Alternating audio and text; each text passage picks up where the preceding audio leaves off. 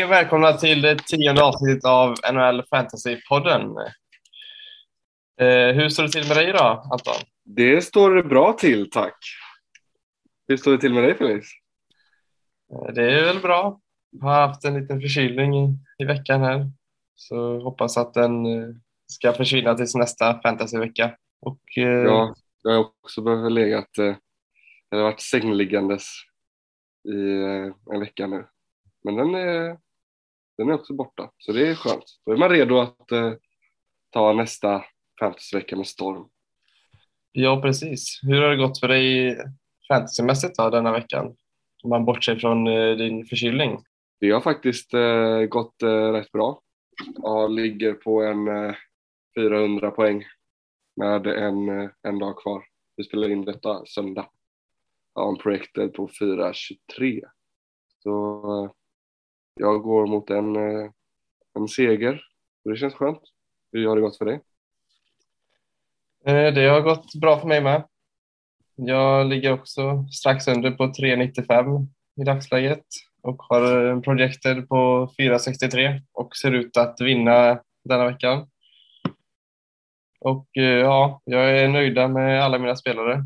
Jag har egentligen stängt igen mina streamingplatser denna veckan och tagit upp eh, Blackwood och Samsonov så jag sitter på fyra månader just nu och har ingen riktig streamingplats. Så jag har bytt taktik, taktik lite och testat något nytt. Och det har verkat gått eh, rätt bra för dig. Ja, faktiskt. Jag har gett mina spelare, mitt lag, lite mer förtroende nu. Så jag ska försöka inte göra så mycket ändringar som det har varit tidigare. Men jag sitter ju på ett litet problem. Jag har sex backar just nu. Mm. Och eh, det betyder ju att, man bara, att jag bara har en extra forward. Alltså, och medan jag sitter på två forwards på bänken, eller backar på bänken. Och en forward bara. Och eh, som vi alla vet så ger ju eh, forwards oftast mer poäng än backar. Så jag håller på och letar en, eh, en liten trade här för att få bort en av mina backar och kunna ersätta det med en stark forward istället. Mm. Har du behövt sätta någon back på bänken den här veckan då, när det varit många matcher samma dagar? Eh, Ja, det har jag gjort. Jag eh, har ju, sitter ju på Provorov som fick eh, sitta på bänken. Då visade han direkt att han gjorde mål och sa till mig att eh, där ska jag fan inte vara. Det var lite segt. Men eh, som tur var så kommer vi vinna ändå. Men hade det varit i slutändan att jag låg under med eh, fem poäng så hade jag då hade man inte älskat det riktigt. Vem var det som petade Provorov där då? Ja, det var ju faktiskt eh, Doggy Hamilton som fick, eh, som nyss eh, eh, acquire genom en trade, som fick gå in och starta direkt. Levererade han någonting då eller? Nej, han gick eh, minus två, så jag fick eh, ett fantasypoäng av han. Med lite tacklingar och det var lite eh, segt, men eh, Jag ja, gjorde, det, kämpa vidare. jag gjorde det stora misstaget här i torsdags tror jag det var, när det var många som spelade, att jag råkade bänka Pionk fast att jag hade en backplats ledig. Men så visade det sig ändå att han gick minus fyra eller något sånt liknande. Så det var ju tur. Det var lite tur och otur. Ja. Men eh, ja, det har varit några tuffa val denna veckan när eh, nästan alla lag har spelat på samma dag. Ja, men Spelar ju precis. 24, 26 och 28 det mesta. Ja, exakt. Eftersom det var Thanksgiving nu så var det ju ett, eh, en dag helt utan matcher också. Mm. Men det var lite roligt i fredags att man hade rätt många tidiga matcher att eh, kunna se på. Man Ja. kunde dra igenom lite. Jag hamnade i den sitsen där att Samsonov och Helleback var båda confirmade att starta och började ju matcherna över 11 tror jag. Och sen hade jag Vasilevski som spelade klockan ett på natten som inte var confirmad där mot Seattle. Så det blev att jag var tvungen att sätta Vasilevski faktiskt. Levererade han då? Ja, det var ju en vinst där och eh, var det en 3-0 vinst tror jag. Så det var ju över 20 poäng som brann inne. Dock så levererade ju Samsonov i alla fall en 10-15 poäng, så det var ju hyfsat lugnt. Ja, det var skönt.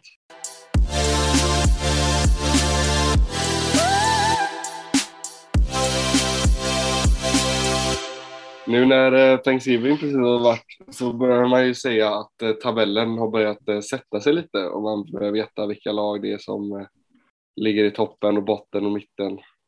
Så man vet ungefär hur det kommer sluta. Och det är ju lite samma med fantasy-rankingen. Man kommer, det, de har börjat sätta sig lite. Det är klart att det går, kan ju fortfarande gå väldigt snabbt. Men att det sitter fortfarande. Så vi tänkte att vi drar igenom, kollar lite på eh, rankinglistan och analyserar lite på hur det ser ut. Om man kollar liksom överst topp 10 direkt så tycker jag att Ovechkin, man var ju lite orolig med hans ålder och hans spelstil, hur han skulle hålla. Men eh, han har ju verkligen visat att han är topp 10 eller topp 5 spelare, i alla fall i dagsläget. Och jag ser ingen anledning till att han kommer sluta producera i år i alla fall. Vad känner du kring Ovi?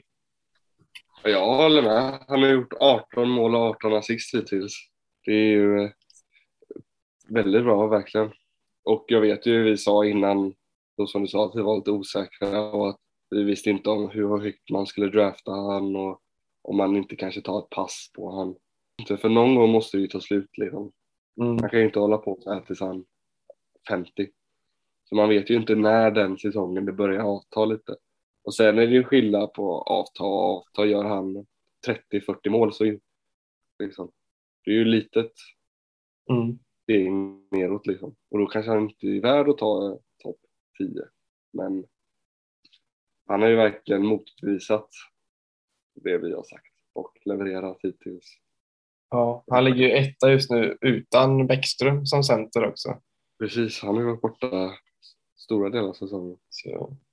Han, man ser ju, kollar man topp 10 så har han även dragit med sig Wilson upp som ligger sjua i dagsläget. Som får spela med Ovechkin och Kuznetsov då. Han håller nog hela året. Så de som draftar han runt 10 där ska nog vara nöjda. I våran eh, liga så gick han ju som eh, ja, 10 exakt. Och det, det är väldigt fint nu efterhand. Mm. Och sen kommer ju Dreisaitl och McDavid 2 3 Det är ju inga överraskningar direkt. Nej. Det var väl det som var mest väntat.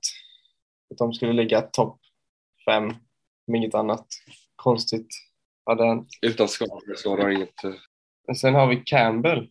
Han ligger fyra i dagsläget i våran liga. Det tycker jag är lite överraskande. Eh, ändå. Jag har aldrig sett han som en riktig elitmålvakt direkt. Vad tycker du om Campbell?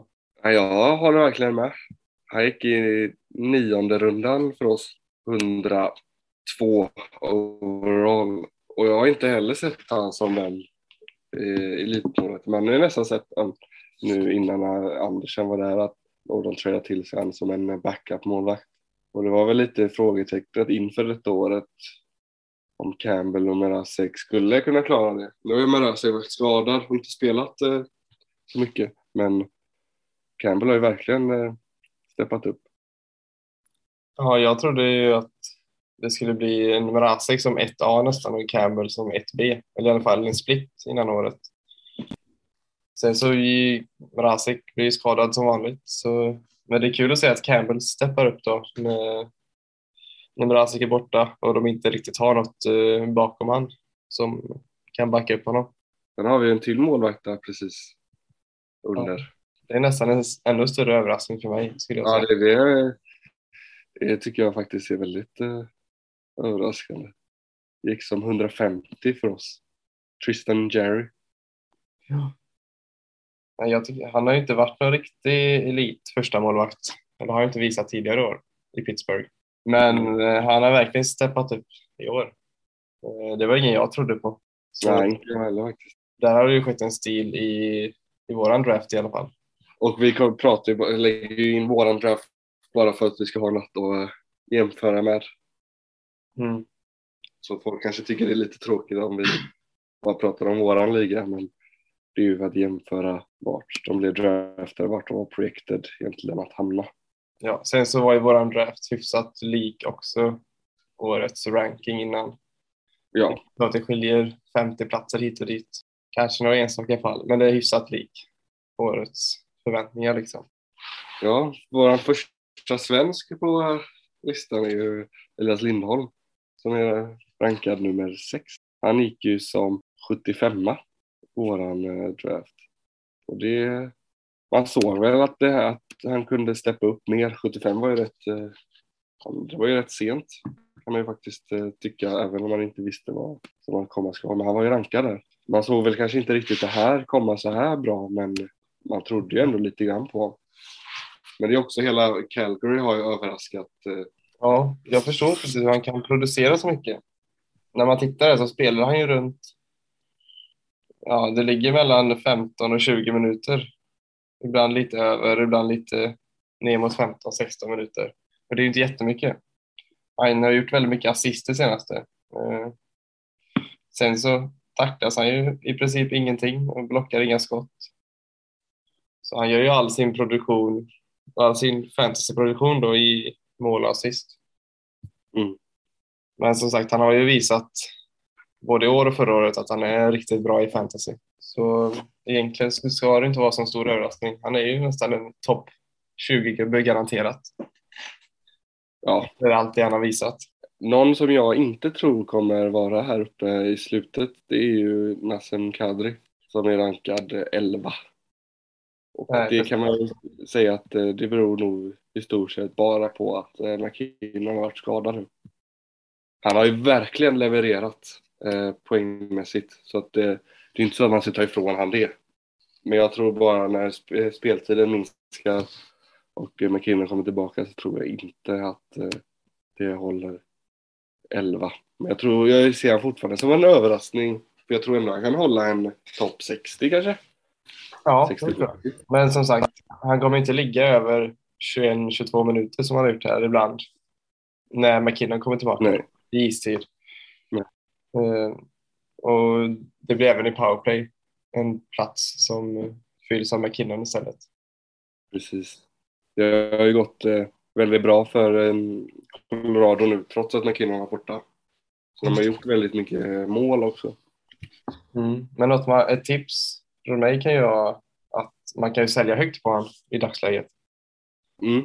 Eh, han är nog värd att hålla kvar också, men eh, sälja högt så kan man få något mer, något som är värt lite mer i utbyte än vad Kadri kanske kommer vara om några månader när McKinnon har varit tillbaka ett tag och han inte kommer få samma roll.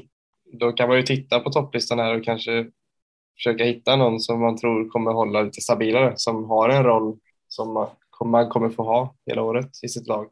Någon som man kanske skulle kunna trada mot är då kanske en JT Miller eh, i Vancouver som jag ligger eh, 26, 26 på rankingen lite efter.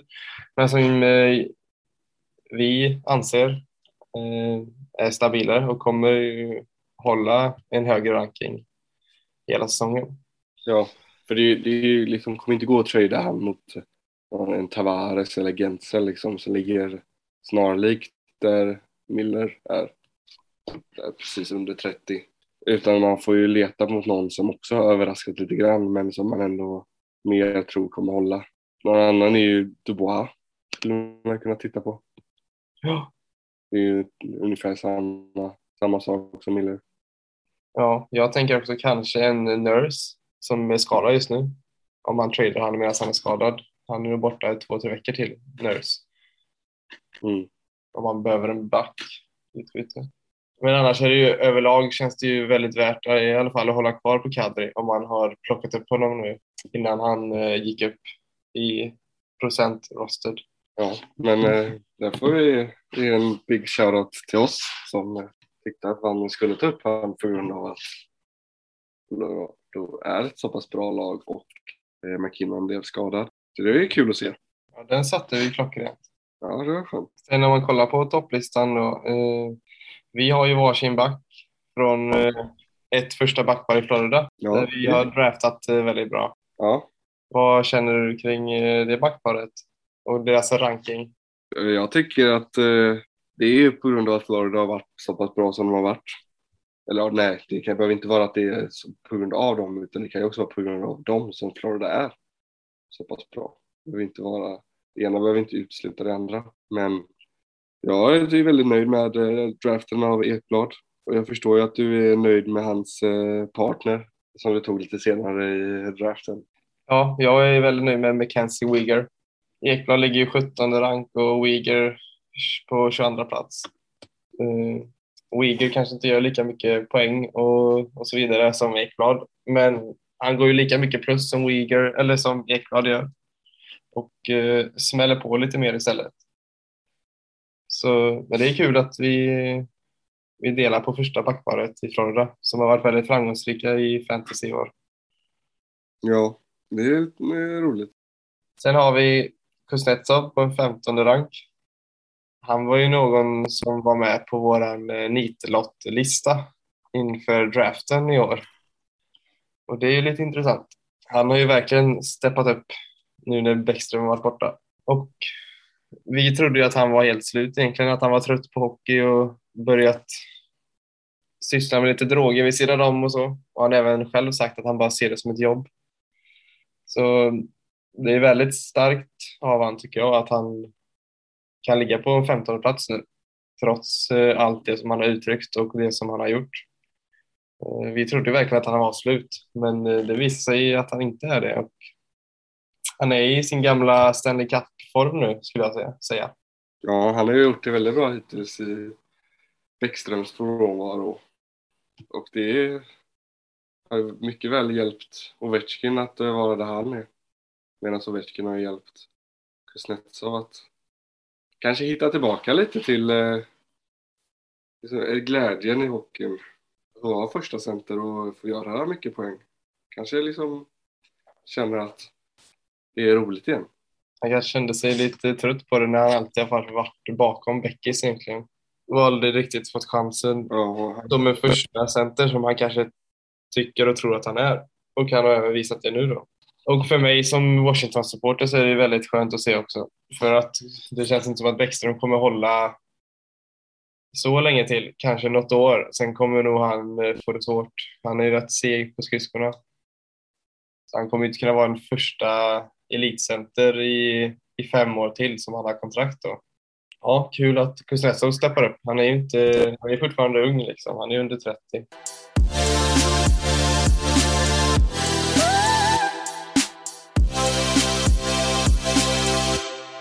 Den enda riktiga fantasynyheten denna veckan är ju att Islanders flyttar fram två matcher på grund av covid. Så att de har inga matcher denna veckan. De skulle mött eh, Rangers och Pittsburgh. Precis. Inte så många stora skador som har skett. Det är väl bara David Perron som är week to week, day to day ungefär. Ja, Duclair är också borta day to day. Men det är ju, det är ju många småskador som eh, kommer upp som man inte riktigt eh, har stenkoll på om man inte har dem i sitt lag. Nej, precis. Och Men, men inga större som påverkar eh, någonting riktigt. nej, day to day är inte värt att droppa någon för heller. Och det kommer inte heller göra så stor påverkan på den som ersätter den. Om man bara får gå in och göra en, två matcher eh, som ersättning eller som ersättare då. Nej, precis. Men det leder ju oss in på våra pickups inför eh, nästkommande fantasyvecka. Och vi börjar med en svensk, eh, Rickard Rakell. Efter att eh, han kom tillbaka så torska, har de torskat eh, tre raka, men nu eh, vinner de eh, Anaheim 4-0 mot eh, Ottawa. Så att han är ju lite på gång. Han har även eh, levererat eh, bra med eh, poäng sedan han kom tillbaka. Har gjort fem poäng på eh, de fyra matcher han spelat. Han spelar i en andra line med eh, Seagrass, men även första PP som har varit eh, väldigt heta med eh, Terry och Getzla för gubbarna. De har fyra matcher nästa vecka i Toronto, LA Kings, Vegas och Flames. Och de, det är ju lite tuffare matcher, absolut, men eh, Anaheim har också visat att de är lite mer på riktigt och ska kunna, om de måste, ska gå, kunna gå till slutspel så måste de ju utmana de här lagen och ta poäng mot eh, även de tuffa matcherna. Så jag ser även att han har en chans. Han har ju varit borta som sagt en månad. Men han har kommit tillbaka nu och har visat. Vad tror du om svensken Rickard Rakell. Ja, har man gjort fem poäng på fyra matcher direkt efter skada så tycker jag att det är värt att streama honom. Det är som en pickup. Eh, antagligen kommer han vara het ett litet tag till. Men eh, överlag om Rickard Arkell tycker jag, ja, det känns som att, eller för mig så känns det som att han eh, är lite av en bast om man jämför med att han är en första runda. Jag tycker inte riktigt att han blev den eh, topp 6-förare som eh, jag trodde han skulle bli. Men eh, han är ju väldigt värd att plocka in och streama eh, kommande veckan då det är fyra matcher som sagt. Jag är inte riktigt villig att hålla med dig där om att han är en bast riktigt. Han är ju eh, han blir draftad som nummer 30 så ett sista valet i eh, första rundan 2011. Och han har ändå legat på liksom stabil. Han hade en eh, 69 poäng säsong för några år sedan. Har varit, eh, han har inte spelat någon hel säsong så han har missat eh, 10 matcher per år minst. Och ändå gör ändå 40 poäng på eh, 60 matcher. Så jag är villig att eh, inte hålla med dig, även om har ändå varit rätt kassa. Jag tycker att han visade eh, i VM eh, 18 att han kan eh, verkligen leverera. Så jag tycker att eh, inte han riktigt är en bast. Hans eh, kontrakt går ut den här säsongen och kan inte, om eh, han är sugen så kan han ju bli free agent och kunna nog signa ett, ett eh, relativt fint kontrakt och kanske hamna i ett lite bättre lag där han får lite mer eh, utdelning. Han har ändå inlett denna säsongen med 11 matcher och 8 poäng på de 11 matcherna. Nu när Anaheim har börjat komma igång. Så att, eh, jag tror tyvärr inte att jag håller med dig. Att han skulle se honom som en bast. Eh, det jag bygger på är att jag hade lite större förväntningar på honom. Och han har ändå varit i ligan så pass länge nu och sen så ryktade sig även förra året att han skulle kunna passa i Torontos tredje lina. Och då fick jag lite den känslan att ja, jag tycker med de förväntningar jag hade så skulle han ju varit en topp 6 i vilket NHL-lag som helst. Och eh, det har ju inte experterna tyckt. Så det är lite det jag har gått på när jag har skaffat mig en eh, känsla om Rickard Rakell då. Jag tror att han tänker att han eh, platsar nog. Eh, skulle säga att han kunde, skulle kunna gå in i nästan varje lags topp 6 rätt eh, bekvämt. Så jag, eh, om jag skulle vara han skulle jag kanske faktiskt testa öppna marknaden. Mm. Ja, jag är ju ingen expert. Jag lyssnar på experterna och där har han varit topp 9 i vissa topplag. Och då då känner jag mig lite besviken faktiskt. Jag förstår. Jag hade tyckt att eh, det hade varit lite roligt för fantasyn också ifall han, eh, om han skulle till eh, Toronto, kanske inte riktigt de har råd med han, men om han skulle gå in med eh, Matthews eller eh, Tavares så ja, jag tyckte att det var lite, det var lite roligt. Ja, det jag kommer ihåg då var något år sedan att de jämförde han att han var en lite sämre version av Kasper Kappanen. Och jag hade förväntningar att han skulle... Kapanen känns ju som en topp 6 slash topp 9 spelare för mig. Och att Rakell ska anses som sämre än det, då, då kändes det lite fel för mig. Jag trodde han var bättre än så. Mm. Personligen har jag väl Rakell eh, något steg över Kapanen. Ja, men från eh, Toronto till ett annat eh, Kanadalag i Edmonton där vi har en spelare som vi har haft tidigare med på pickup-listan. Ungefär av samma anledning som är nu och det är att han eh, spelar i en eh, första line med eh, ligans två bästa spelare, McDavid och Dreisaitl. Och det är Zach Cassian. Han har spelat nu två matcher med dem och första matchen gjorde han direkt eh, tre poäng. Medan han gjorde en assist i matchen därefter. Vad eh, tror du om Cassian?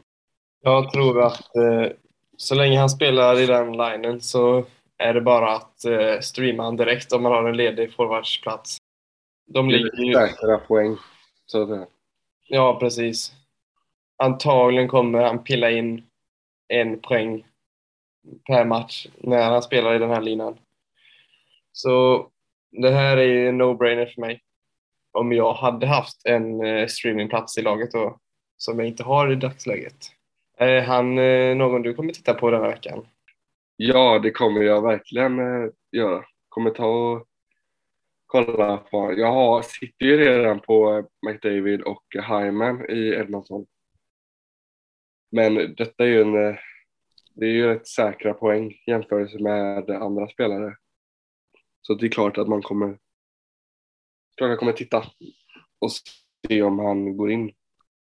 Han är ju ägd av 10 procent också i dagsläget så han vinns ju i nästan alla ligor. Sen har de även väldigt bra schema eh, kommande veckan. Det är först Pittsburgh som är, ja, det är väl ett bra lag, men sen så kommer ju Seattle och LA i slutet på veckan. Eh, och får han stanna kvar i den här linan med Dreisaitl och David så kan vi se bra fantasyproduktion av Cassian. Och då får du ta den sista Battle of Alberta-gubben som vi har med på listan. Ja, det är ju då Eh, Rasmus Anderssons eh, backkollega i första backparet i Calgary Flames. Noah Hannifin, 13 procent roster. Som sagt, första backpar, eh, spelar powerplay 2 med Shillington. Så de kör två backar i andra backpar. Hannifin spelar inte överdrivet mycket. Det är ingen som gör det i Calgary riktigt. De rullar på många backar där de flesta ligger runt 20 minuter. Eh, och Hannifin ligger runt där, lite under 20 minuter ibland.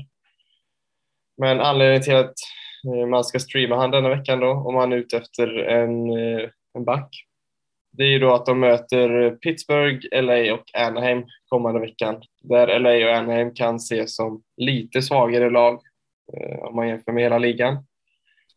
Och Hannifin har även varit väldigt het senaste han är 1 plus 4 och eh, plus 6 senaste fyra matcherna. Och detta är ju såklart ihop med att Calgary har vunnit och eh, de trendar väldigt bra. Dock så ger Hanfin inga bangerspoäng eh, som vi har i vår liga, det vill säga tacklingar och blockade skott. Där ligger han runt noll, några enstaka per match. Så gör han inte poängen och går de här plus som han har gjort senaste matchen så är han ju ingen spelare som jag hade tittat på. Men eh, så länge Calgary trendar bra så tycker jag att han är en fin eh, streamingback eh, inför kommande vecka. Har du något att tillägga med eh, Noah Hannifin? Inte mer än att jag tycker att han eh, ser väldigt intressant ut. Och eh, det är ju rätt viktigt att ha fem backar i sitt lag. Så att man alltid kan liksom fylla ut matcherna. Så man inte behöver bänka forwards och inte ha spelande backar. Utan man har en bra balans. Så jag tycker att det är bra. Speciellt nu när Calgary har gått så bra så, som du sa. Ja. På grund av att de eh, rullar på många spelare så kan det ju hålla i längden också. De drar inte på sig lika lätt skador och blir inte slutkörda. Utan de kan hålla ett eh, bra tempo. Men om man inte, om Calgary börjar gå dåligt så skulle jag rekommendera att eh, droppa han direkt eller inte plocka upp honom. Ja. Eh, han har inte gjort så mycket i fantasy direkt när eh, laget har gått dåligt. Då går han inte plus och han ger inte så mycket poäng. Så han ger i princip ingenting när Calgary går lite sämre. Då tackar vi för att ni har lyssnat på det tionde avsnittet av eh, NHL Fantasypodden önskar vi er en bra fantasyvecka. Hoppas att ni alla går ut med en fin seger. Ja, och önskar er en god första advent ja. från NHL Fantasypodden. Ja, tack för att ni har lyssnat.